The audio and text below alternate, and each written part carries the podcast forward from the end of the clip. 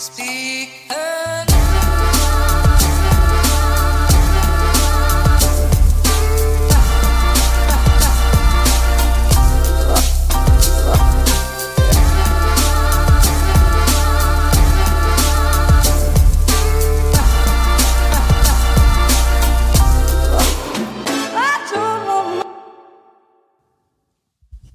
Ja, god dag til dere alle der ute. Mitt navn er Kevin Kildahl, og du hører på eh, Klagemuren, som er en podkast. Det er mandag 8. april, og klokka mi er 13.40.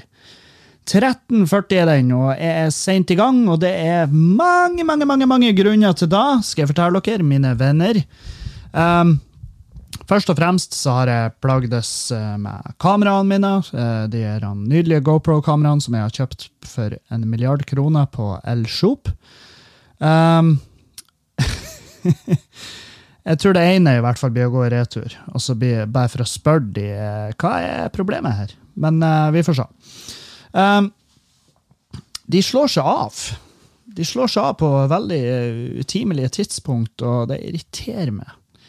Det irriterer meg grenseløst. Um, I tillegg så så, så um, har jeg vært og drukket kaffe med min søster. Som, eller jeg har ikke vært og drukket kaffe. Hun har kommet innom meg og drukket kaffe, og det er jo koselig.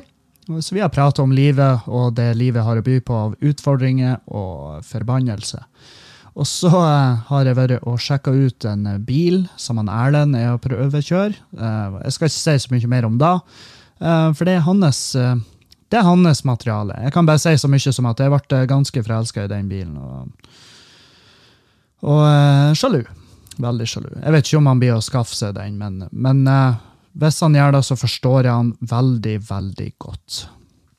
Jeg er også sent i gang fordi at jeg sto opp, sto opp seint. Sto opp eh, klokka ti.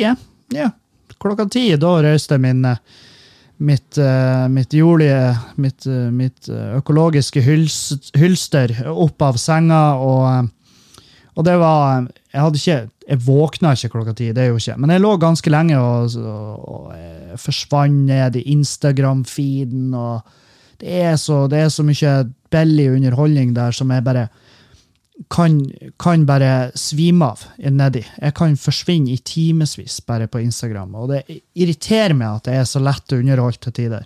Men samtidig også veldig godt å vite at eh, ja, jeg har Instagram å venne meg til hvis, eh, hvis det skulle bli mangel på ting å, å følge med på. Så um, Nei, det har vært en rolig start. Jeg føler jeg har litt jetlag etter å ha vært i Ålesund. I det, jeg vet ikke, hva er det som Hva er det som er Hva som er kriteriene for jetlag? Det er vel at du krysser tidssoner og sånn, om å begynne å vende til de nye tidssonene, ikke Jeg tror det, da. Så jeg kan vel ikke akkurat skryte på med jetlag.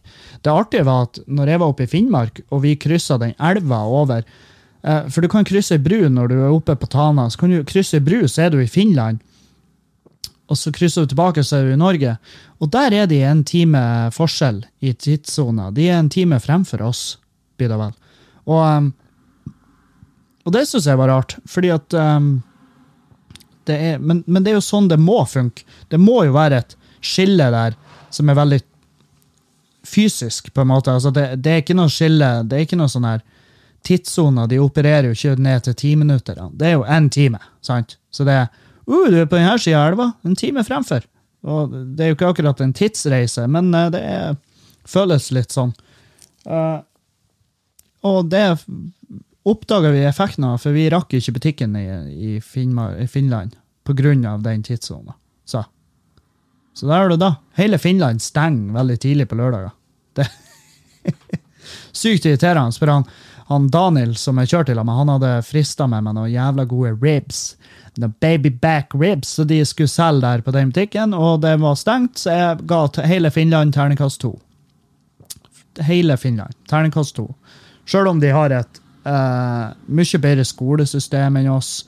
Uh, uh, men, men, Finland er vel et av de få landene som har hatt sånn skoleskytere her i Skandinavia. Jeg sier ikke at det er relatert i det hele tatt, men det, det det, jeg bare kom på det nå. Men de har et mye bedre skolesystem, og de har, altså, det er mye færre skoletapere i Finland kontra Norge.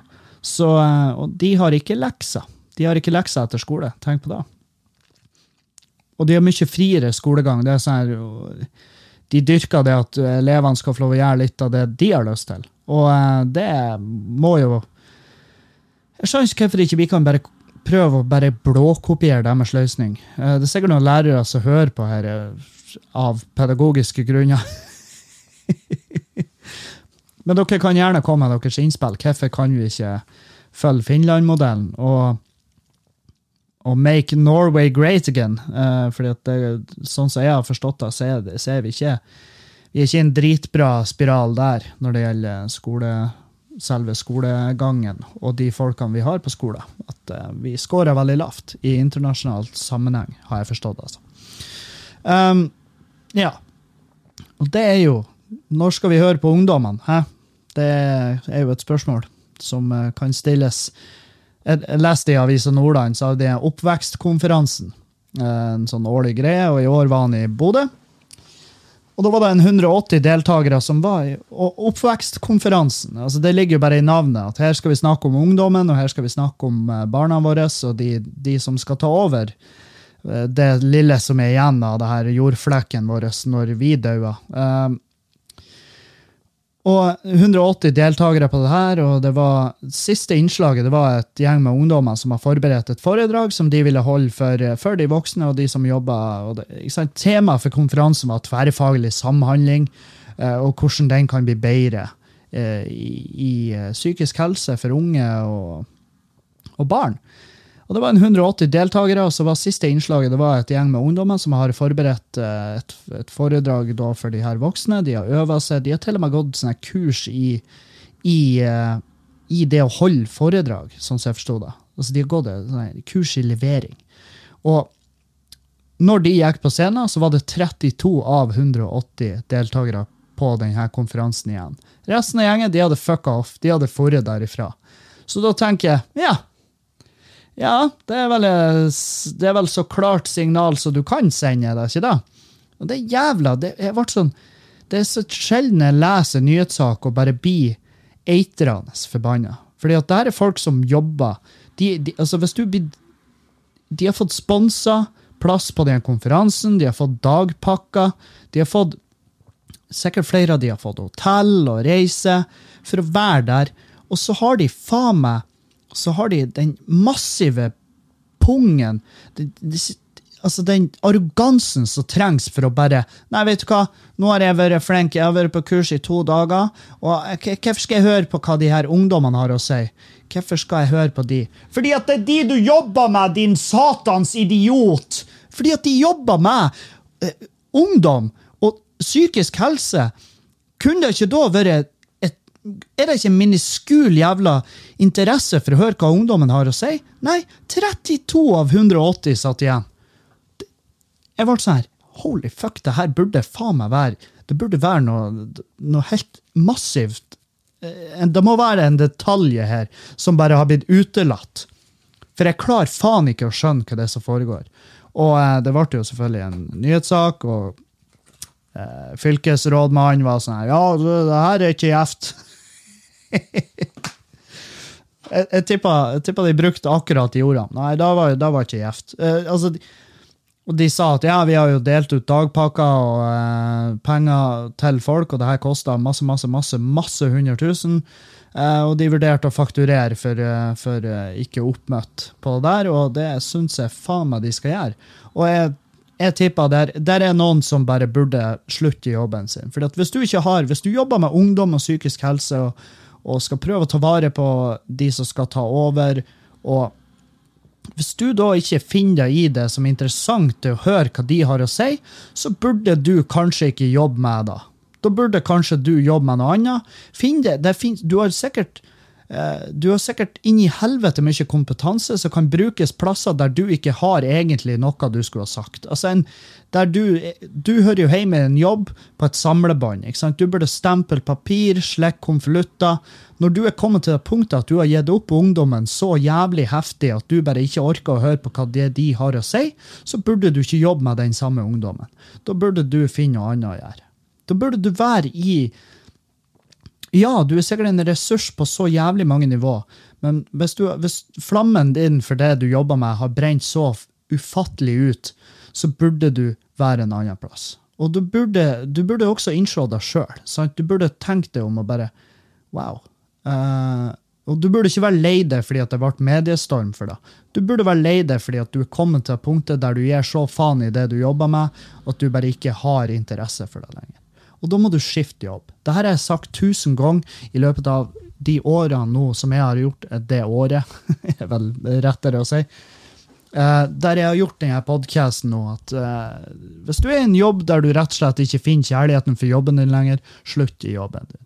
Og det, det er min oppfordring til de, de folkene som bare faen ikke hadde tid til å høre på hva, hva de hadde forberedt. Ungdommer var selvfølgelig lei seg fordi at de hadde gjort et massivt forarbeid. De var jævla fornøyd med det de skulle presentere, og så er det 32 av 180 igjen. Jeg håper det er de 32 som virkelig er viktigst. Som, altså de som er ja, de som burde være der. Men sannheten er vel at de resten av folkene som ikke var der, eh, hadde vel vært massivt behov. Fordi at hvis det, hvis det er en 140 stykk som, som eh, 148 Ja, blir det ikke det? Jeg tror det. Jeg tror det. De 148 som mangler, er jo de som virkelig skulle ha hørt det her foredraget. Fordi at allerede er de på det punktet der de gir faen. Og det er jo ikke noe hemmelighet at ungdommen ikke blir hørt i dag. Men lat nå som. I hvert fall gi de et inntrykk av det, for det er utrolig hva da gjør. Så nei, all ære til de, eh, de ungdommene som hadde gjort den innsatsen. Hun ene var kommentert, for jeg, jeg la ut det her på Facebook, og jeg sa at det her er, faen, det er så flaut. Det er så flaut at det er faen meg ille. Og, eh, og hun kommenterte at ja, det var utrolig frustrerende med tanke på alt det arbeidet de har gjort. Og det var vel mora til den ene av de her ungdommene, det var vel fire stykker som hadde jobba med det, og to som skulle fremføre. Um, og mora til hun ene la ut på Facebook, og det var sånn det begynte. Hun, hun var jo selvfølgelig, hun hadde jo ikke Det var ikke engang blanda følelser for situasjonen. Hun var, eh, Jeg tippa hun var eitrende forbanna, og det skjønner jeg jævlig godt. På vegne av sine, sitt barn som har uh, jobba. Og um, Nei, så hvis du er hvis du, hvis du jobber med en såpass viktig som å forme fremtida, så, uh, og du er i en situasjon der du føler at vet du hva, jeg gir egentlig litt faen i det her. Det. og det, stygt nok så det kan høres ut, så er det en helt ærlig sak. Fordi at du kan mest Du kan mest eh, du kan miste inspirasjon for å jobbe med det du jobber med, men hvis du gjør det, så er det også ditt ansvar. I hvert fall når det er såpass eh, vektige greier du jobber med, så burde du kanskje da slutte. Da burde du gå til kontoret til hvem nå enn som er så uheldig å være over det i systemet, og si vet du hva? Jeg mista gnisten, dude.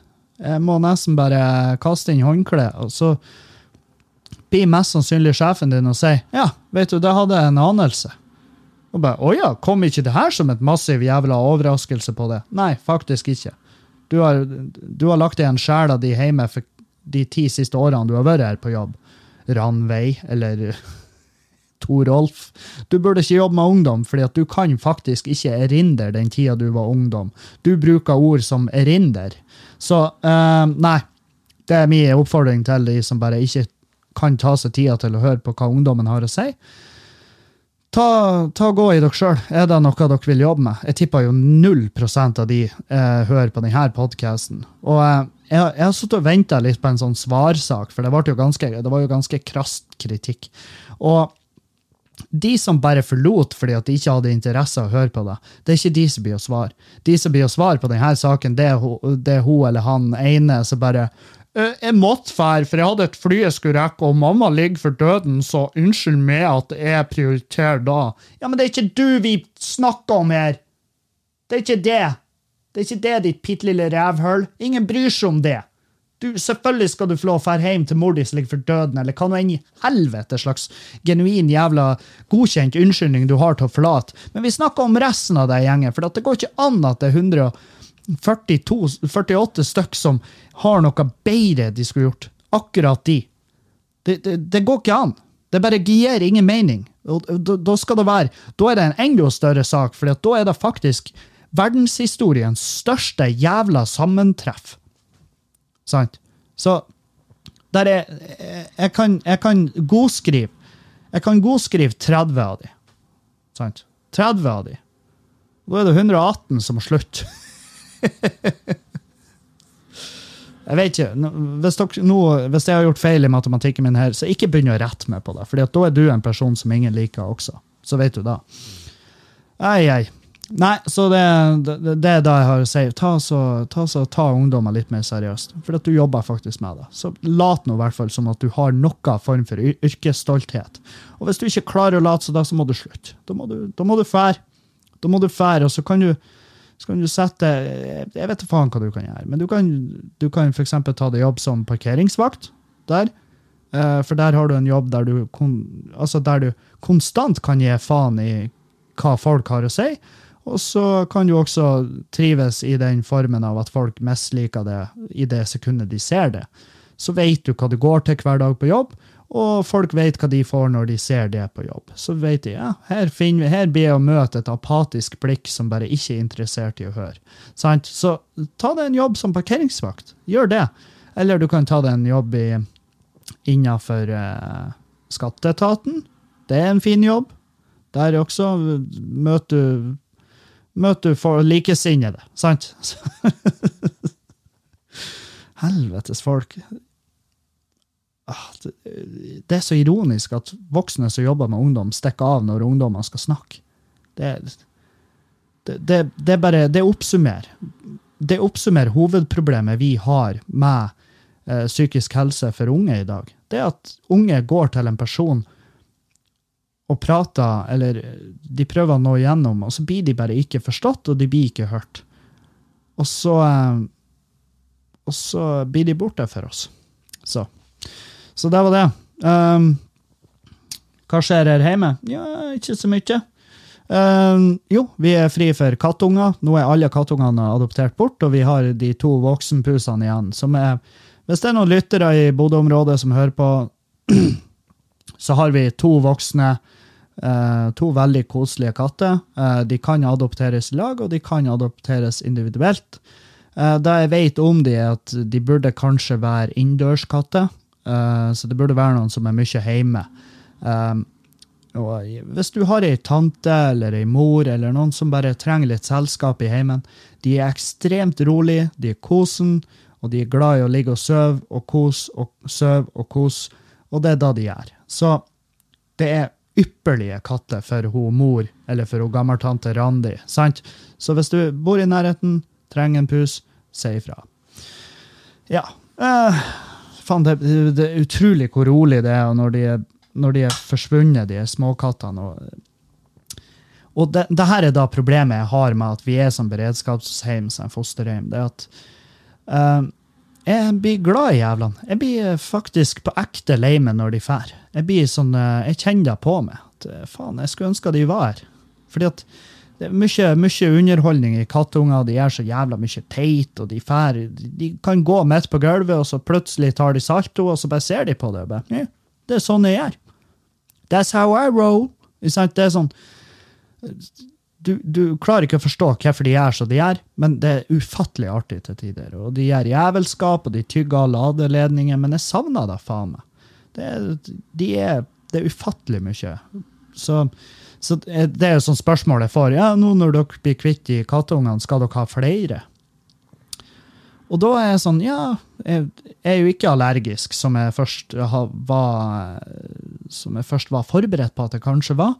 Um, men det har jo vist seg at jeg ikke er allergisk mot katt, og vi er jo fosterhjem og beredskapshjem for eh, når de får inn kull, og det er jo fordi at alle de forpulte idiotene der ute som nekter å kastrere kattene sine, ikke gjør det. Eh, Så vil det være masse kattekull som ligger ute, og jeg tror ikke jeg har hjerte til å si nei, vet du, vi har fått nok kattunger nå. eh, så vet jeg at da er det et kull som blir liggende ute og fryse i hjel fordi at vi ikke har lyst til å ha de her. Og det har ikke jeg hjerte til. For de, dere som ikke har fatta det til nå, er blitt en kattedude. Jeg elsker katter. Jeg syns de er nydelige og grasiøse, og de strekker seg, og de mjauer, og de leker med anklene dine, og det er ondt, men ufattelig artig. Så eh, det, det, there you have it.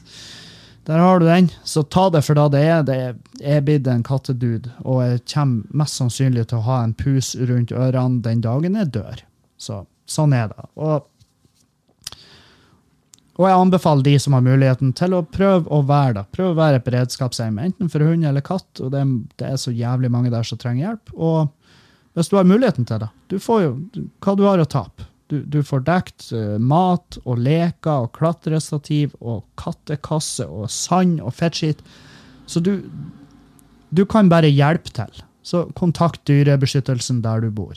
Sånn, nå har jeg gjort litt reklame for de, og det fortjener de faen meg. Jeg, og jeg får ikke en dritt for det, annet enn at jeg får kanskje flere katter slengt i fjeset når de her to eh, nydelige damene som vi har hjemme, blir en gang omplassert. Så det. Eh, nei, så i helga så var jeg i eh, Ålesund, og så var jeg i Skodje. I Skodje. Og jeg kaller det Skodje, men det uttales, eller det uttales Skøye. De sier at det uttales Skøye, men det er ingenting der som sier at det skal uttales Skøye, så jeg blir å si Skodje. Til at dere har vett nok til å skrive det som Skøye. Fordi at dere kan ikke kreve at vi skal uttale ting så jævlig forskjellig fra hvordan det er skrevet. Det, blir, det, blir, det er kjempedumt. Det er kjempe, skulle, hvis dere ville hete Skøye, så skulle dere skrevet Skøye. Dere kan ikke bare bestemme dere for at Nei, jeg er lei av Skodje. Enn hvis vi heter Skøye? Ja, kanskje vi er da fra nå av, da? Nei, det er ikke sånn verden funker. Og For dere som ser på Tales from the Crypt, så vil dere få en video av når jeg krangla med publikum om akkurat det her i helga. Uh, Ålesund var helt, uh, helt, fantastisk. Det var Teaterkjelleren Eller Teaterfabrikken Teaterkjelleren. Det er en av de to. Um, i hvert fall utrolig fin scene. Veldig bra folk. Der koser jeg meg, koser meg grymt, og jeg gleder meg som faen til å komme tilbake til Ålesund med showet mitt i høst. Det blir i høst, så bare stay tuned. Hvis du ikke liker Facebook-sida mi ennå, ta gjør det, for da får du beskjed om når jeg legger ut events i nærheten av det. Um, uh, Skøye var vi gikk, Jeg gikk på for seint der. Uh, vi utsatte jo showstarten på grunn av Uh, på grunn av um, På grunn av Ja, Kevin, hva var grunnen? Må du tenke her. Ja, grunnen var at det var en uh, lokal revy som foregikk. Og det var veldig mange som var på den revyen, som ville få med seg det standup-showet, så da venta vi med showstarten til at revyen var ferdig, og det gjorde vi lurt i, for det kom en del folk. Og, og det var bra folk, det, de som kom fra revyen. Uten tvil. Det var det, Jeg vil si at det var 90% av de som var på det showet på Skøye som ville se standup. Eh, men så var det jo det, den 10% som sto i baren og var fette dritings og hoia og styra, og det irriterte vettet mitt.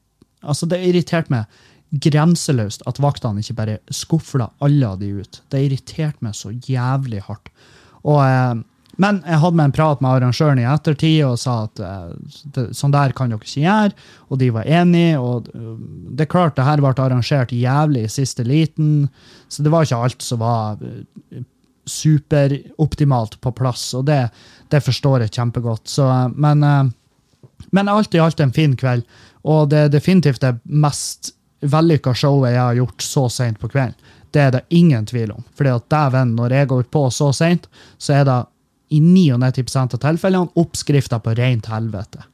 Og, um, og vanligvis det, det er sånn arrangører er sånn 'Nei, det nytter ikke å ha det klokka ni. Folk kommer ikke ut klokka ni.' Bare, jo, det gjør de. Hvis de har en grunn til det, påstår jeg har gjort det her nå så mange år at jeg vet at folk kommer ut altså Det er jo sånn Nei, de kommer ut elleve, og så du, du, tidligst elleve. Nei, hvis de har en grunn til å komme ut tidligere, så kommer de ut tidligere. Ja, men når vi har trubadur Ja, men det er fordi at de vet at trubaduren blir å spille til at du stenger puben. sant? Derfor kommer de ut seint. Men hvis du setter showstart klokka ni det, standup blir som la oss kalle det, la oss si en kinofilm. sant? Hvis du setter showstart ni, så kommer de da. Noen kommer selvfølgelig like over ni, men det er fordi at de plages med å komme seg fra forset. Alle bestiller taxi samtidig. Det tar litt ekstra tid. Men ja, hvis du se- setter showstart klokka ni, så starter vi som regel kvart over ni. Og, og det er fordi at de kommer ut da. Det er som en kinofilm. De, de bestiller seg billetter til en film, og da er det ikke sånn at de kommer i ellevetida og så bare Nei, hva i helvete, har dere starta filmen uten meg? Nei, dæven han, altså. Det var noe, det var noe ikke gjevt. Det er jo ikke sånn det funker. Folk kommer ut når de har fått beskjed om å komme ut, fordi at de har faktisk brukt penger på billetten. Sant? Så um, jeg blir sånn her, Når arrangører prøver seg på det der, så sier jeg du, det er uaktuelt. Enten begynner ni, eller så begynner vi ikke i det hele tatt. Det var basically det som skjedde i eh, Sandnessjøen nå med det showet jeg skulle ha der. Da var det uenighet med arrangøren, og jeg valgte å avlyse i stedet for å eh, i stedet for å gjøre det showet. Fordi at, og i hvert fall i Sandnessjøen. For det var jo det som skjedde sist der, på det ærverdige herr Petter. Som eh, har Ja, herr Petter har nydelig pizza, men det er faen meg det mest forferdelige eh, arrangementet jeg har vært med på i mitt liv. Og jeg var så eh, Jeg kan ikke huske sist jeg var så forbanna. Da gikk jeg til arrangøren etterpå og sa jeg, vet du hva, aldri kontakt meg igjen. For det showet, det var faen meg det, det. Å, helvete hvor episk jævlig det var. Men når det er sagt, jeg gleder meg som faen til å dra til Sandnessjøen. Jeg skal dit i høst, mest sannsynlig. Og jeg gleder meg som bare juling til da, fordi at det er så mange år siden jeg har vært der, og det er på tide med en, eh, med en revansj. Og jeg vil gjerne gjøre Sandnessjøen til en av mine favorittplasser å stå. Um, for det vet jeg at det kan være. Det er jævlig mye bra folk der, og jeg har gjort mye narr av Sandnessjøen, men sannheten er at det som skjedde i Sandnessjøen sist jeg var der, det er like masse min feil, og det er ikke publikum sin feil. Det er min feil, og det er arrangøren sin feil. sant? Og det er ikke deres. Dere, dere var bare full. Jeg har fått meldinger fra folk i Sandnessjøen som er sånn 'Hvorfor kommer du aldri hit?' Er det fordi at det gikk så til helvete sist? Og jeg, og jeg har tenkt over det. Ja, det er faktisk det. det, det jeg fikk avsmak, jeg fikk stygger på det. Men det har tatt meg såpass lang tid, og jeg har reflektert rundt det, og jeg skjønner at folk er blitt annerledes. Jeg er blitt annerledes, ikke minst. Jeg er en mye bedre komiker, og jeg oppfordrer ikke til flatfyll. Jeg, nå er jeg der for å gjøre show, og jeg blir aldri å dra inn på Herr Petter igjen, med mindre jeg vil ha en pizza. Sant? Det er jo ikke noe verre ennå. Og nei, så jeg tror vi alle lærte den dagen. Og, og ja, og derfor gleder jeg meg som faen til å dra til Sandsjøen igjen i høst. Det blir. OK? Vi ses der. Um, nei. Uh, det var jævlig sweet i Ålesund. Um, faen eh, eh, Ahmed Mamov, helvete for en nydelig komiker han er. Og Jeg sto, jeg i lag med Pål Rønnelv, jeg sto i lag Anders Lone Fosse, jeg sto i lag med André Ulvesæter og Ahmed. Og, og alle er bra komikere, men det er noe med han Ahmed. Han bare treffer meg på et sånn spesielt nivå. Jeg sitter bare og- flirer på ekte, og det er jævlig sånn her For jeg ser såpass mye standup at det er veldig få komikere som når så inn til meg som han Ahmed gjør. Og det, det er forfriskende. Det er jævlig godt. Så eh, hvis du, har, hvis du bor en plass og har muligheten til å få med deg Ahmed eh, han, De skriver vel ofte bare Ahmed på eh, plakaten, så gjør det. Og jeg lover det, enten så digger du det, eller så bare skjønner du det ikke. For det er litt sånn her Ja, det er litt spesiell humor, men det er faen meg så fett artig. Jeg digger det han gjør. Um, nei, så vi gjorde en klubbkveld der på Teater Fabrikken. Jeg har lyst til å si Fabrikken. Jeg tror det er da det er, for jeg tror det er et gammelt fabrikkbygg, så det gir mening. Um, nei, så jeg gjorde standup der, og så eh, Ja, vi var nå ute og drakk litt, og uh, for hjem etterpå. Uh, Avslutta tidlig, og det er jeg veldig glad for, for jeg var jævla sliten. Um, jeg var veldig fornøyd med settet jeg gjorde. Jeg hadde en veldig bra energi. Jeg har sett det på videoen òg. Bare faen, eh, høy energi der.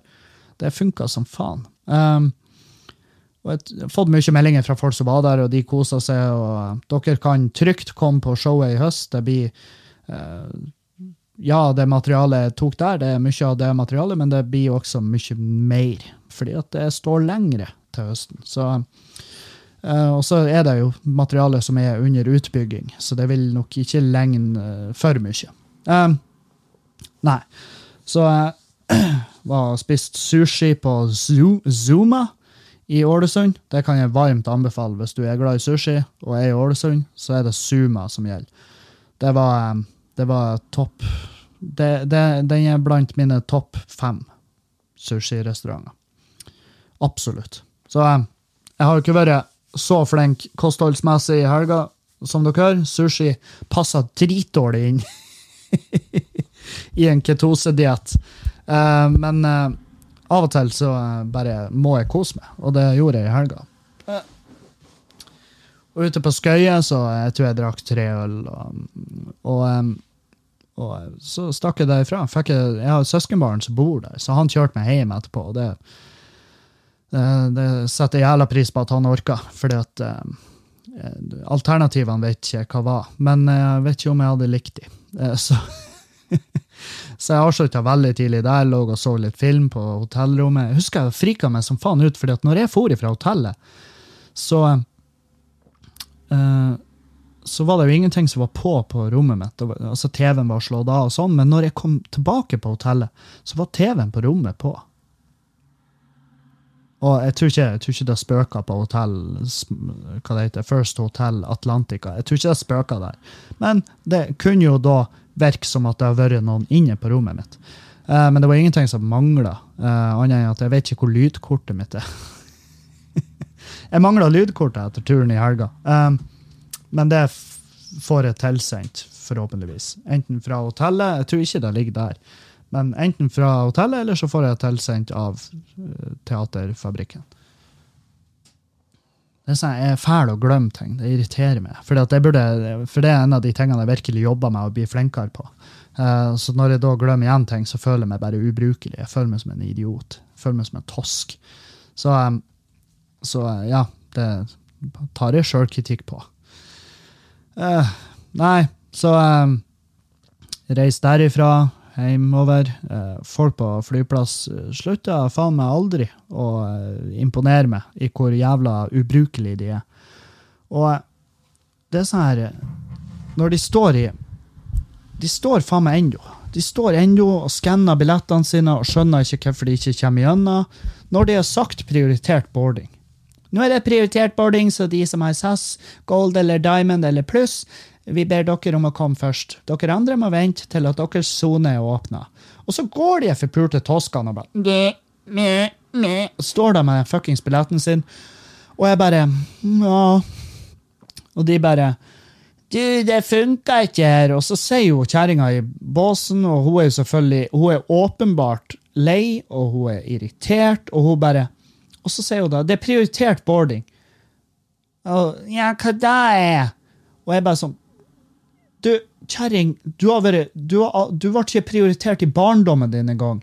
Hvorfor skulle du ha vært prioritert nå, når du reiser én gang i året? Dette er for de som reiser hele fuckings tida. Ikke engang jeg har prioritert boarding. Så ta så still deg bak, og la folk gå gjennom. For du, du, gjør det faktisk nå, når du står og lager en kø der, så gjør du det sånn at alle slipper saktere om bord i det fuckings flyet, og dermed kan det bli utsatt, og dermed kan jeg faktisk være så uheldig at jeg mista connectionen min i Oslo. Og hvis jeg mister min connection i Oslo, og jeg innser det oppe i lufta, så blir det å stikke et hull i vinduet på sida av det, sånn at du blir sugd ut sakte, men sikkert. Og så bare i en spagettistrimmel hengende etter flyet. Jævla kønts. Jeg blir så forbanna.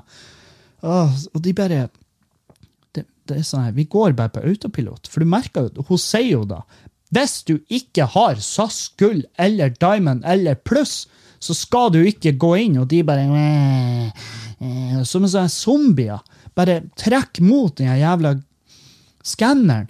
Og, og, de bare. Står bare der og skanner billetten som en forpult tosk. Og jeg, bare, jeg står bare og, og betrakter hvor nydelig dum de er.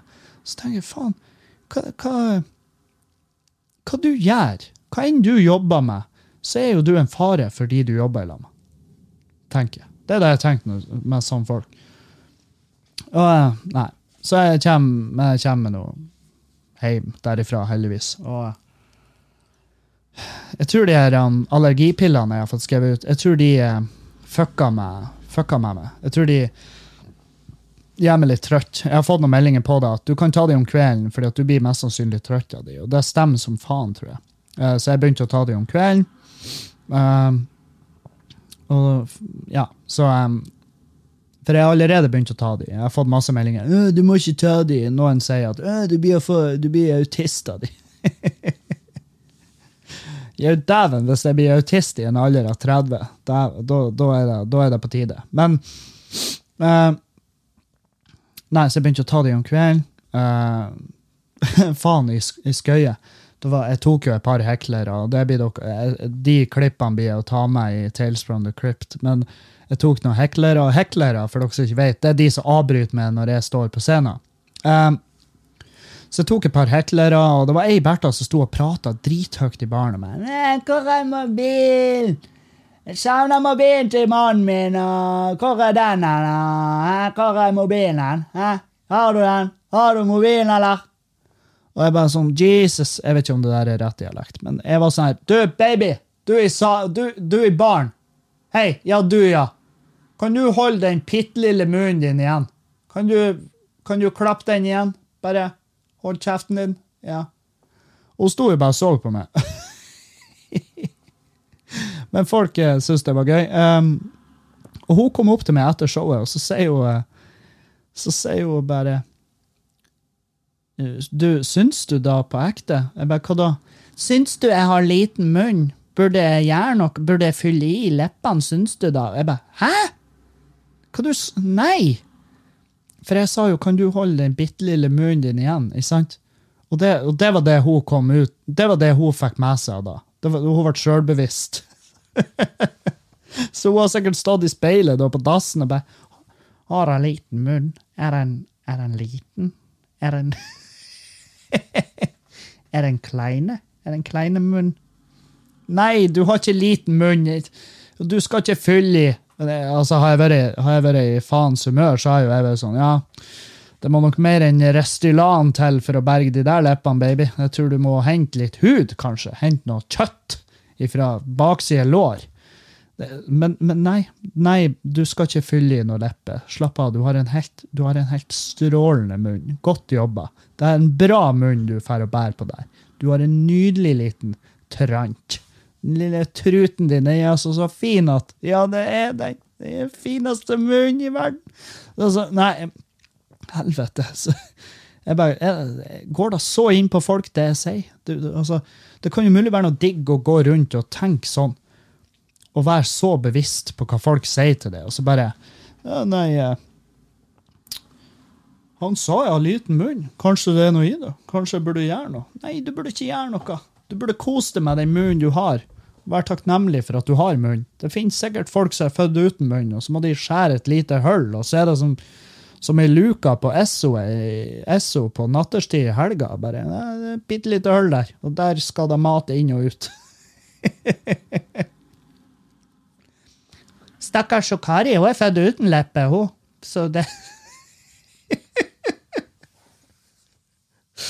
Åh, liten munn. Det er kjempeartig. Jeg vet da faen hvorfor jeg syns bare de ordene Men liten munn du har der. Det, er så, det er bare i seg sjøl syns jeg er artig. Og veldig artig at hun, ble så sjølbevisst på munnen. Så begynte Jeg lurer på, altså Det er jo ikke bra tegn. Det er vel et tegn på at hun kanskje kanskje bryr seg for mye.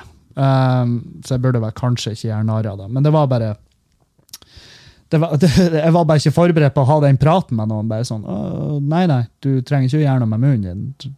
La munnen din være i fred. Munnen din er super.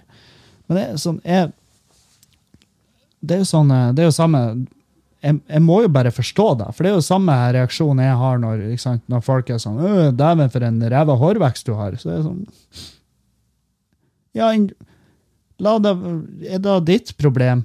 Da kan du ikke la meg plage seg fred med den dårlige hårveksten min. det er jo eh, Hårvekst er en hårvekst, helvete. Munn er munn. Munn er munn er munn. Sant? Og trenger vi å endre på alt? Hvis du er født med en liten munn, ja, da er, da er du en liten munn, da. Da har du en bitte liten munn, og folk blir å se den og tenke lurer på om den passer. Det er, det, det er i beste fall det guttene tenker, i hvert fall. Det er ikke sånn at vi tenker nei, hun har for liten munn, jeg kan ikke være i lag med henne. Jeg har, jeg har møtt mennesker med sånn enorm munn, sånn kjempemunn. Sånn der eh, Steven Tyler, er det han heter? Han, han i Aerosmith, han har jo en sånn munn. Du vet at helvete, hvis han vil, så kan han ta et tygge av en båt. Altså, han kan, han kan bare gape over hva enn han vil. Han kan ete en skalle i ett jafs. Og da tenker jeg dæven, for en munn. Men jeg har aldri tenkt at å nei, hun har så stor munn at hun er ikke fin. Det, det har aldri brydd meg om munn. Ja, større munn, jo større smil. Smil syns jeg er fint. Smil er kjempefint. Hvis du da har et sånt smil der munnen blir bare en sånn, bare sånn liten, en liten rosenkål midt i Jeg vet ikke. Jeg tror ikke, Men jeg, poenget mitt er at ikke ender på utseendet nødvendigvis. Det er sånn her, ja, Hvis du har en massiv skavank, hvis du har et hareskår på G, så skjønner jeg hvis du velger å operere da. Det skjønner jeg. Men jeg har også møtt øh, folk med arr etter hareskår, og jeg har tenkt nei, det gjør ikke meg noe da. Uh, men jeg, nå, nå er, jeg har jo sett bilder, jeg har forstått det sånn at hareskår de kan være ganske heftige, sånn at de må. At uh, det, det er så jævlig at de må operere da, ellers så kan de ikke så kan de ikke fungere ordentlig i det daglige. Så eh, nå, nå er jeg jo ute på isen. Hareskår eh, kan være jævlig, og det kan være eh, mindre, tror jeg. Um, men det er faen òg der han jævla kropps... Hun, fikk, hun gjorde meg bevisst på at jeg kan, jeg kan utsette folk for kroppspress, og det, det liker jeg ikke. Jeg liker ikke at jeg har, kan ha den innvirkninga på folk at de blir, de blir usikre på sitt eget jævla utseende. Så jeg klarte faen meg å ta noe ut av det der som var negativt. For det var sånn, det var jo egentlig en kjempeartig situasjon hvor jeg sier noe på scenen, og så kommer hun etterpå og bare 'Syns du jeg har liten munn?' Nei, det så ikke jeg! Du var jo 30 meter unna meg! Sant? Jeg har ikke sjans å se hvilken munn du har. Og nå når jeg ser det, du har en flott munn. En dritbra munn. Fine tenner har du òg. Jævla Colgate-smil. Godt jobba. Men det, jeg blir, så, jeg blir lei meg når jenter kommer og spør Syns du jeg burde endre på det. Nei. Svaret er i 99,9999% av tilfellene så er svaret nei. Du burde ikke endre. Hvis du har, hvis du har en hvis du har vært i ulykka, og det står en veistikke ut av skuldra di, så ville jeg ha sagt vet du, der, jeg tror faktisk det fins klinikker der du kan få fjerna den veistikka. du har en bolt stående ut av panna di. Den ville jeg endre på. Men annet enn da, drit i det. Og men samtidig, jeg forstår det, for det er jo han fyren som har eh, Jeg tror det er snitta på tre ganger i uka, der jeg vurderer å få eh, å få eh, fiksa håret. Sant? Og da er det sånn, ja, Tre ganger i uka, det er altfor masse. Jeg skal, målet mitt er å få det ned til én før sommeren. Og så til høsten være ferdig med det, og bare ha innsett at ja, Kevin, du trakk ikke det lengste hå- hårstrået. Eller du trakk bare ett hårstrå. Det er vel det som er problemet. Og det stikker ut midt i panna di, som en sånn lita øde øy der. Og så er det fullt åpent rundt. Så det ser nasty ut, og folk ser, det, ser på det, og det, deres umiddelbare tanke han fyren der, han skal ikke jeg ta imot en drink ifra. Og så rett du gjør, fordi at jeg spanderer ikke. Eh, så den, det, det scenarioet blir ikke, det blir ikke en realitet uansett. Men uh, nei, jeg, jeg, jeg, er lei av, jeg er det kroppspresset, og det er sånn her det er så et jævla trivielt tema òg. Sånn- hva kan du si i den jævla diskusjonen som ikke allerede er blitt sagt? Det er sånn eh, Ja, jeg er enig i at folk burde ikke Folk burde ikke snakke om det som om det er så enkelt og jævlig greit. og eh, I den forstand at vi kan påvirke folk til å faktisk gjøre endringer på utseendet sitt. Uh, kosmetisk kirurgi. Sant? Og da, hvis vi, klarer, hvis vi har makta til å få folk til å faktisk ta sånne valg, så burde vi så burde vi være klar over da, at uh, det er faktisk uh, jævlig unge folk. Det er sånn her, jeg, Med de jævla tatoveringene mine Jeg har tatovert hele høyrearmen nå.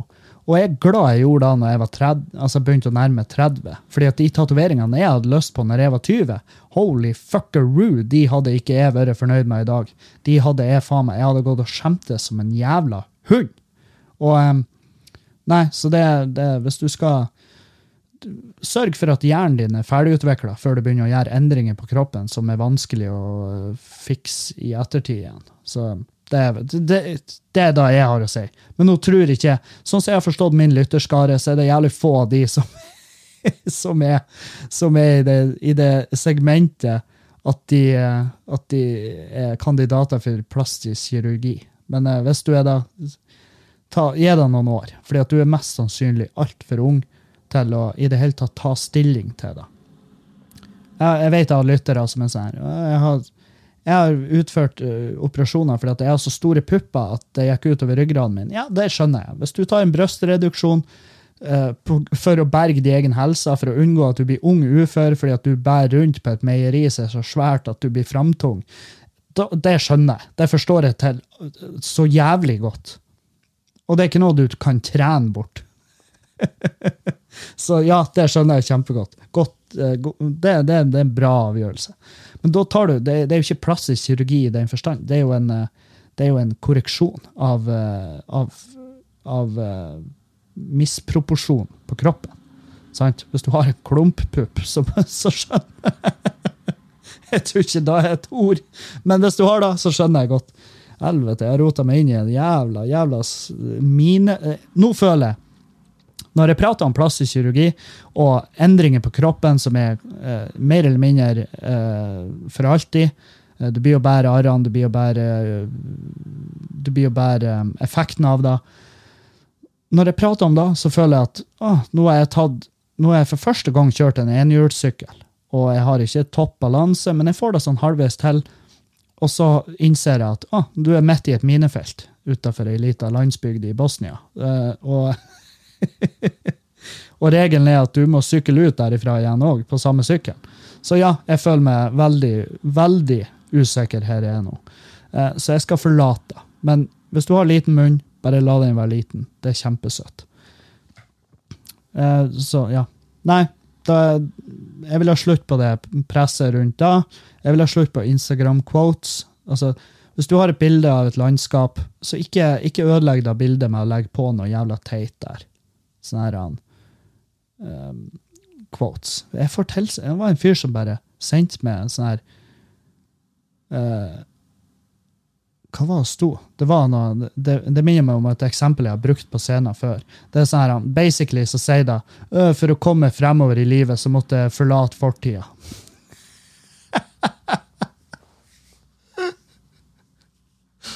Å, fy faen, hvor fett det er kleint. Han bare sånn Å, tenk på deg og endringene du har gjort.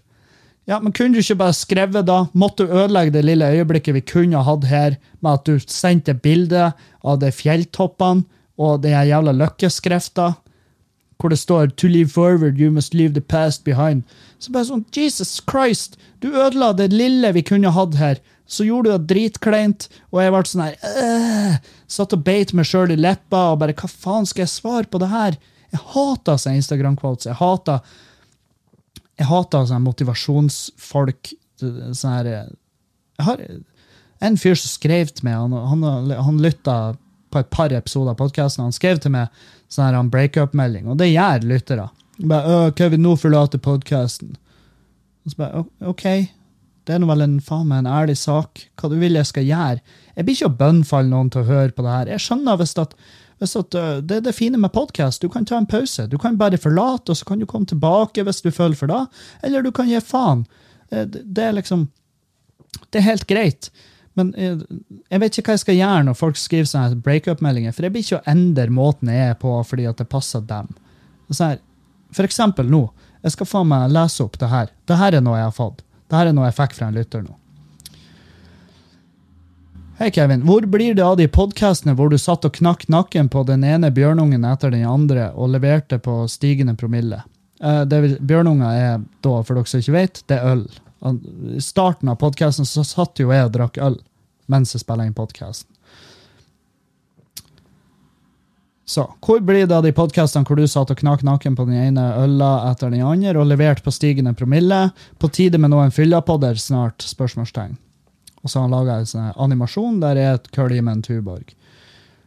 Og så skrev jeg Nja, om det er da du trenger for å underholdes, så er kanskje ikke min podkast da du trenger. Og så skriver han du har jo noen gamle podder hvor du knekker den ene boksen etter den andre. Og jeg bare ja, men ting forandrer seg. Og det å sitte og drikke i ukedagene bare for å gjøre det, er ikke min stil lenger. Det hender vi tar en øl i en crosspod med Dag eller JTK eller noen andre, men that's it. Og så skriver han ja, men det er ingen som merker om du spiller inn pod på Prefors i helgen og slipper den ut på mandag. Så jeg bare, ja, så du er avhengig av, for at du skal underholdes av podden min, så er du avhengig av at jeg drikker meg full. Og da skal ikke du høre på podden min, for da liker du meg i det formen jeg ikke liker meg sjøl i. sant? Når jeg driver på og spiller inn podkaster i dritfylla, så skjemmes jeg etterpå. Jeg syns ikke det er noe artig. Og i hvert fall, jeg klarer ikke å høre jeg klarer ikke å høre ti minutter av de første podkastene jeg la ut, der jeg satt og drakk øl, på en mandags jævla morgen. Før klokka er tolv, så sitter jeg og drikker øl. Og eh, det blir det, det, det, er bare flaut i ettertid. Jeg ser ikke tilbake på det og tenker som en jævla bra tid i livet mitt. Det er sånn her, jeg, jeg tenker ikke på det som en bra tid i det hele tatt. Og, og jeg, Med fare for å høres ut som en idiot, men jeg lurer på hvor jeg har vært i dag hvis ikke Magnus døde. Hvis ikke Magnus Bein hadde tatt sitt eget liv når han gjorde, og, fe, og dermed og, og, noe av det siste han sa til kjerringa si, og det sa hun til meg, hun skrev det til meg, så skrev hun han Magnus var bekymra for det, Kevin, og den drikkinga di. Og det gikk så fitte inn på meg at jeg tenkte hva er det du holder på med, Kevin? Hva er det du styrer med? Så ja, beklager ikke på noen som helst jævla nivå til det som savner at jeg sitter og drikker øl og spiller inn podkast i dritfylla. Beklager på ingen jævla nivå, og du kan med all rett forlate podkasten og ikke høre på den videre. Det gjør meg ingen jævla ting. Jeg forstår det hvis da var den underholdninga du trengte, og jeg forstår det hvis du da velger å konkludere med at det her ikke er underholdning for det lenger. Det er helt greit. Men å drive på og oppsøke folk og ikke, Jeg tar det ikke som press, jeg ser ikke på det som drikkepress. Men å legge den, det ansvaret på dem og si vet du hva, for at jeg skal bli underholdt, så må du danse til trådene mine. Se, jeg trekker de. Skal du gjøre noe med det? Nei, jeg skal ikke gjøre noe med det. Du kan fuck off. Jeg kan fortsette med det jeg gjør, og trives med det jeg gjør. Og ikke jeg danser ikke til fløyta di. Jeg er ikke en jævla kobra. Og du har ingen Du, du har ei blokkfløyte som er ustemt, hvis det går an. Jeg vet faen, det er mye matrester i den fordi at du spiller for tidlig etter matfriminuttet. Og, og det høres jævlig ut, og jeg, jeg blir ikke dans til de notene. Det skjer ikke. Så, så ja, du kan fuck off. Jeg, jeg, jeg hører hva du sier, og jeg velger å gi massiv helvete i det. Og det, det, jeg sier, er ikke at jeg gir faen i tilbakemeldingene deres, men noen av tilbakemeldingene forbeholder meg retten til å bare flire av og tenke på som ja, det bryr meg ikke. Det er ikke interessant for meg, og jeg gir helvete. Uh, mens mange av tilbakemeldingene er jævlig bra. Mange av tilbakemeldingene er kjempebra. Jeg har en fyr som bare øh, du må fjerne den hertsen på lydfilteret ditt på, uh, inn på garasjeband, fordi at det høres for høyt. OK, det tipset setter pris på. Hei, Kevin, kan du prate om det her og det her? Ja, selvfølgelig. Det var et interessant tema. Og hvis du sender meg en mail med historier som jeg ikke har tatt opp etter du har sendt den til meg tre ganger, så er det en grunn til det. Da har jeg mest, på dette tidspunktet så har jeg mest sannsynlig lest den historien, og jeg har ikke nødvendigvis så lyst til å prate om den, fordi at jeg føler ikke det hører hjemme i podkasten. Uh, jeg kan ta et eksempel på det, for jeg har en her nå som har sendt altfor mange ganger. Um, skal vi bap. Der, ja. Og jeg, jeg, ble litt sånn Har ikke jeg snakka om det her? Men uh, kanskje ikke. Hei, Kevin. Digga podkasten din og standupen. Bla, bla, bla. Jeg er en gutt på 16 år som holder på med en jente. Vi avtalte at hun skulle komme hjem til meg, så vi skulle ha litt Netflix and chill. I dette tilfellet HBO and chill. Vi, vi, så på Game of Thrones, og alt gikk som det skulle. Vi begynte etter hvert å hooke. Kline, i parentes. Jeg er veldig glad du skriver det, for jeg vet seriøst ikke hva hook er for noe. Og ting eskalerte seg. Uh, ja. Vi, vi, gikk mot senga, og jeg merkte at ting begynte å skje i underetasjen. Hun dro ned bokseren og begynte å dra i kjøttdisken. For et forferdelig ord på en kuk. Da kan du like gjerne bruke kuk. Kjøttdisken. Holy fuckeroo. Og det, kjøttdisken det vil jo jeg faktisk heller ha kalla en vagina for. Jeg føler det passer bedre der. Eh, I hvert fall. Etter noen få drag så kjente jeg at jeg var i ferd med å komme. Jeg prøvde å stoppe henne, men det var allerede for sent. Jeg kunne ikke stoppe det. Jeg skyndte meg på dass og kjente og kjente, kjente du, Det er vel kjent, du mener. Og kjente på skammen med en gang. Etter dette nevnte jeg at klokken var blitt så mye, og sendte henne av gårde. Spørsmålet mitt er som så. Hvordan i helvete kan man unngå å komme så fort? Og hvordan skal jeg gå fram neste gang jeg møter henne? Fra en stolt Patrion og Oslo-gutt. Um, jeg vet ikke hvordan du ikke kommer så fort.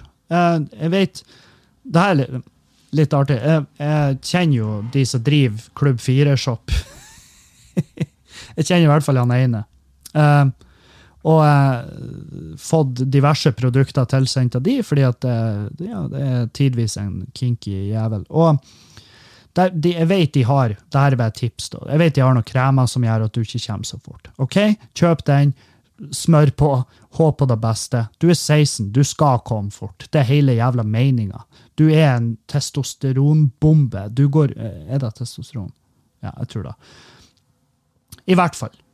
Du, du, alt jobber på høy, høygir på kroppen din, deriblant kuken.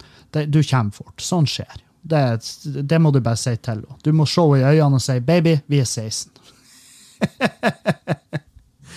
vi er 16. Hva du forventer. Og så, og da, hvis hun har litt vett i skallen, så blir hun å si 'vet du hva, du har et jævlig godt poeng. Vi er faktisk 16'. Og det, og det her er sånne spørsmål som jeg vanligvis ikke vil ta, fordi at det, det, det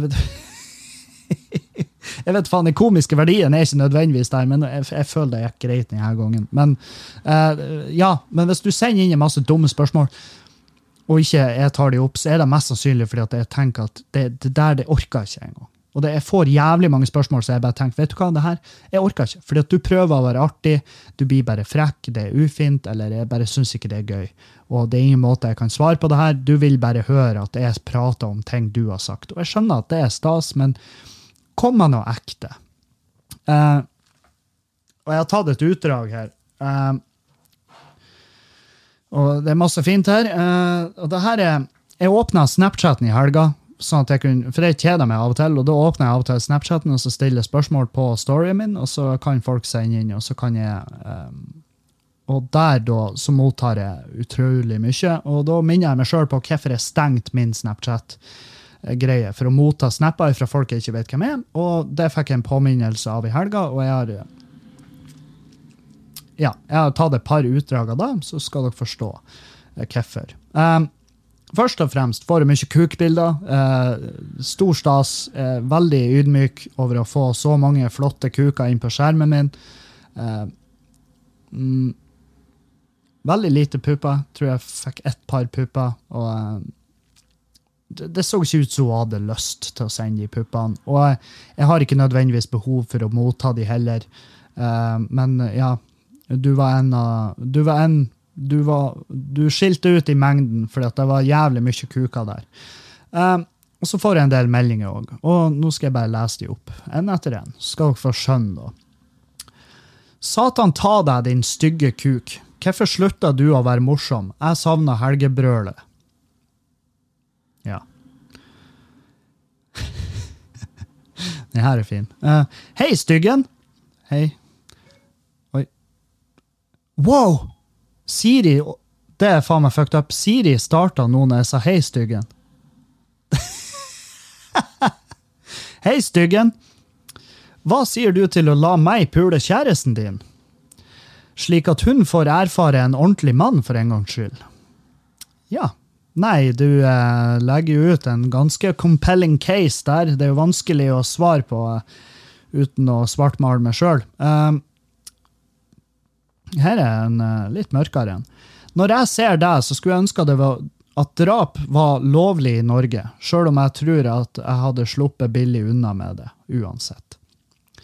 Ja, så det var jo da en, eh, ja, en ymse indirekte drapstrussel der. Eh, og så veldig enkle, rett fram spørsmål. Det er veldig, veld, veldig få ja-nei-spørsmål. Eh, hvorfor er du så stygg? Jo, nei, det, det kan ikke jeg svare det på. Eh, eh, hvor mye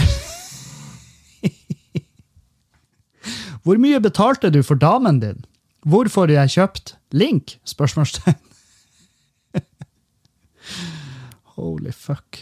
Eh, du er et ufyselig menneske. Jeg blir kvalm av humoren din. Og det er en ærlig mening. Det er faktisk den mest uh, greie som er kommet her. Altså, du er et ufyselig menneske. Ok, jeg blir kvalm av humoren din. Ja, det har du all rett til. Jeg skjønner da.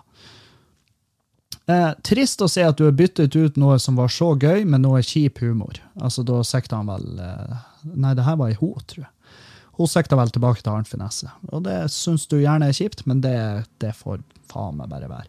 Så jeg stengte eh, snappen igjen. Det skjønner dere sikkert. Jeg stengte snappen igjen fordi det er Altså, jeg er ikke lenger på det punktet at jeg tar meg nær av de her tingene, men eh, det er samtidig, hvis du begraver det i denne type meldinger, så vil det til syvende og sist begynne å ta tak i det. Og du blir å ta deg til det til syvende og sist, og det er ikke bra. For da havner du ned i uh, the rabbit hole, og det er ikke der du vil være i det hele tatt. Så um, bare, og det her er et sånt svar til dere som har spurt meg hvorfor har du stengt Snapchat nå. Og, og det er jo de her meldingene, uh, men det er jo også av at um, det er jo også pga. at jeg mottar en masse snaps fra folk som eh, Det er mye spam. Folk som bare sender svarte skjermer. Og så er det også pga. at jeg får masse meldinger fra folk som ikke jeg kan svare. Fordi at det er folk fra Saudi-Arabia, Midtøsten, eh, Algerie, østblokklandene. Folk som folk som kontakter meg som jeg ikke kan kommunisere med, og ikke har egentlig noe for seg å kommunisere med. Altså, ja, det er jævlig fett. Jeg fikk en snap av en fyr som har en tiger i stua, men da tenker jeg den tigeren hører ikke hjemme der, for det første. og for det andre, eh, hvem har råd til en tiger? Dette er ikke en eh, fyr som er i, min, i mitt kundesegment, akkurat. Så eh, ja. Uh, nei, så, så, Jeg vet faen hvorfor jeg tar opp det her. Det er bare for å, Jeg får av og til spørsmål om hvorfor jeg har stengt snappen, fordi at folk syns det var koselig å kunne kommunisere meg med der, men, men uh, der har du grunn. Uh, ja. Nei, vi skal ta en spørsmål her, tror jeg. Ja, først og fremst må jeg si at nå i helga så tar jeg turen Å, oh, herregud. Nå i helga så skal jeg nordover faktisk. Og det blir jævlig, det blir jævlig fett. Uh, og jeg skal fortelle dere hvor. På uh, fredagen nå, fredagen den 12., så skal jeg opp til uh, Prestengbrygga. Prestengbrygga i Kabelvåg. Så, og der ligger billetter ute, så bare skynd dere å kjøpe. På lørdagen så skal jeg til Lanternen, som er da i Reine. Det er vel Å i Lofoten, ikke sant? Reine. så jeg skal Kabelvåg og Reine. Lanternen, eller Prestenbrygga, Prestengbrygga og Lanternen. Så kjøp billetter, kjøp billetter, og så ses vi der. Det er vel et veldig begrensa antall billetter som er lagt ut alle plassene der, og jeg tror vi er halvveis utsatt begge plassene. Så kjøp på forhånd, um, så ses vi der. Ja. Skal vi ta et par til spørsmål her?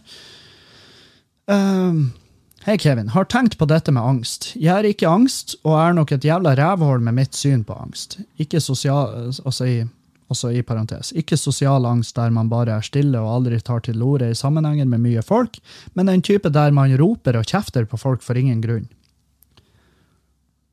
Um, er det virkelig innafor at man skal skylde på angst når man får disse rope- og brølesvarene til folk? jeg klarer å slite litt med å skjønne hvilken angst vi snakker om her. Jeg har en kompis som alltid har hatt angst, men først i år har han fått diagnosen. Han har alltid vært den som man aldri kan konfrontere. Da blir det kjefting, og du er stygg, og du er feit, skal jeg knuse trynet ditt, osv., osv. Eh, når det er gått så langt at folk er så lei han, blant annet jeg Han går ut på Facebook og får medlidenhet for at alt han har gjort med å skylde på angsten. Jeg har jo selv en ADHD-diagnose, men det jo, med det så kommer det jo mye rart. Har gjort mye rart og kommer aldri kommer til å gjøre noe rart resten av livet, men har aldri, kommer aldri og vil aldri skylde på en diagnose for de dumme tingene man gjør. Er det feigt å skylde på en diagnose når man fucker opp? Blei lang Denne meldingen ble lang, sorry for det, men dævelen, altså, hvor kjekk du er på det nye podkastbildet ditt. Takk for det. Um, Nei, altså, du, eh, ja, altså, du har lov å skylde på en diagnose. Altså, sorry for at jeg brøler så mye. Jeg har Tourettes. Da da har du lov å skylde på det. Men, uh, men ja, det er jo et jævlig godt spørsmål her, hvor uh, Hvor mye Hvor mye kan du egentlig skylde på det? Det er jo det. Eh, ah, faen heller. Det er et jævlig tomt Det er et jævlig tungt spørsmål der, fordi at uh, Hvordan kan man svare rett på det? Jeg vet ikke hvilken type angst han har. Uh, men eh, hvis han er sånn konfronterende, altså sånn type Jeg vet ikke om det er panikkangst, eller hva det er som gjør at, at man kan bli såpass For den, jeg kan ikke sette meg i situasjonen. Jeg, jeg velger å ikke svare om det Men det jeg kan svare, er at det skal en Du er, du er en hakke du er en hakket større person hvis du kan si jeg tar uansett ansvar for alt jeg har gjort. Jeg, jeg, jeg skylder ikke på diagnosen min, men jeg vil at dere skal vite om den, sånn at der er faktisk tilfeller der dere kan tenke på diagnosen min istedenfor det jeg sier og det jeg gjør. Fordi at av og til så er de tingene jeg sier, det mener jeg ikke i det hele tatt. Det er diagnosen min som snakker. Det må dere vite. Men selvfølgelig, jeg står for det jeg gjør. Jeg? Er en mye større person da enn de som sier vet hva, du får ikke lov å si noe til meg, for jeg har den diagnosen. Nei, for du har ikke lov å bruke diagnosen til å være et rævøl. Du har lov til å forklare hva diagnosen går ut på, sånn at du kan få folk til å forstå hvorfor du av og til er et rævøl uten grunn. Så det er vel det beste svaret jeg kan gi. Um, mm, Skal vi se. Halloisen. Nylig blitt stor fan av podden din. Kjempebra. Du har tidligere sagt at du var narkoman og jobbet som selger. vel, eh, å kalle det for narkoman har jeg vel ikke lov til. Eh, men jeg har lov å si at ja, jeg didla en del med stoff. Eh, narkotiske stoffer var ikke ukjent for min kropp. Eh, men jeg var ikke en narkoman. Og, og han spør jo var det sånne Jeg liker Oslo-blader du solgte.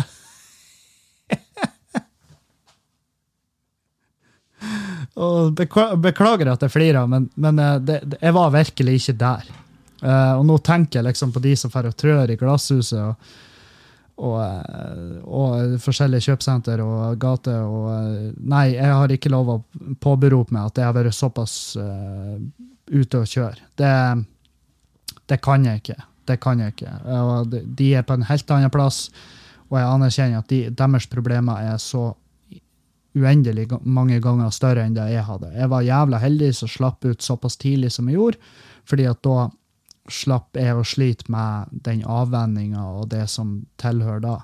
Så ja, det er, det, det er vel da hvordan jeg kan drøfte litt rundt tematikken. Det gjør jeg vel ofte nok, men jeg var vel såpass eh, heldig at jeg gikk på den harde smellen hvor det kunne endt med at jeg daua. Eh, men at jeg var heldig at jeg gikk på den smellen så tidlig at, at jeg ikke fikk muligheten til å bli så ute på kjøret som jeg kunne ha vært. Sant? Så, så eh, jeg ser på det som en, eh, som en lykke i, eh, i det forferdelige, at jeg overdosa tidlig. Fordi at da fikk da, Det skremte meg såpass hardt at jeg bare Nei, det her, kan, det er ikke bærekraftig. Så derfor kutta jeg det ut. Um, ja. Hei, Kevin. Et lite spørsmål. Det er estimert at 10-13% av alle som hører på podkast sånn, sånn generelt, onanerer mens de hører på. Hvor du har da ifra? Jeg vil, jeg vil ha link til den saken. Hva er din formening om det her? Og tror du folk runker til din podkast? Du, eh, det vet ikke jeg. Jeg har ikke fått noen melding om at folk runker til podkasten min. Eh, hvis dere gjør det, så trenger dere ikke nødvendigvis å si ifra til meg. Eh, jeg har vel, jeg tror jeg har fått en melding fra ei jente en gang som sa at hun har, eh, hun har tilfredsstilt seg sjøl mens hun hørte på podkasten. Jeg vet faen hvordan man burde reagere, men jeg, jeg, ble, eh, jeg var sånn Jeg tror ikke jeg svarer henne, det gjorde jeg ikke. Men jeg, jeg vet at jeg var sånn Ja, så hyggelig. Artig at du finner Artig at du finner noen form for tenning på å høre på podkasten min. Men jeg vet faen, jeg ble bare Jeg, jeg vet ikke hvorfor det Hvorfor da var reaksjonen min. Men eh, det var vel heller da at eh, jeg har aldri sett på min egen stemme som noe form for sexy. Så ja, eh, de som eh, onanerer til podkasten, for all del Gjør det. Gjør det. Jeg skal ikke stoppe dere. Um, men uh, jeg, ikke, jeg, skjønner det ikke. Dere, får, dere har min, min, ytterste velsignelse til å bruke den podkasten her til akkurat da dere vil. Om det er onani eller ikke, det, det, er helt greit for meg, men det er ikke nødvendigvis Jeg trenger ikke videobevis. Det trenger jeg ikke. Men ja, onaner i vei. Helvete. Det er jo det mest naturlige som finnes. Så Og på den jævla rare noten skal jeg avslutte podkasten for i dag. Um, takk til alle som lytta på. Takk til alle nye patrients, og takk til alle for gode tilbakemeldinger på podkasten. Gode tilbakemeldinger på uh, Tales from the Crypt, og takk til alle som kjøper billetter til showene. Fortsett med det. Uh, vi ses i helga på Prestengbrygga på fredag, og den uh, på lørdagen på Lantern. Uh, så ses vi der. Takk for meg. Ha en fin dag videre. Ha ei en fin uke. Vi høres på torsdag. Auf Wiedersehen!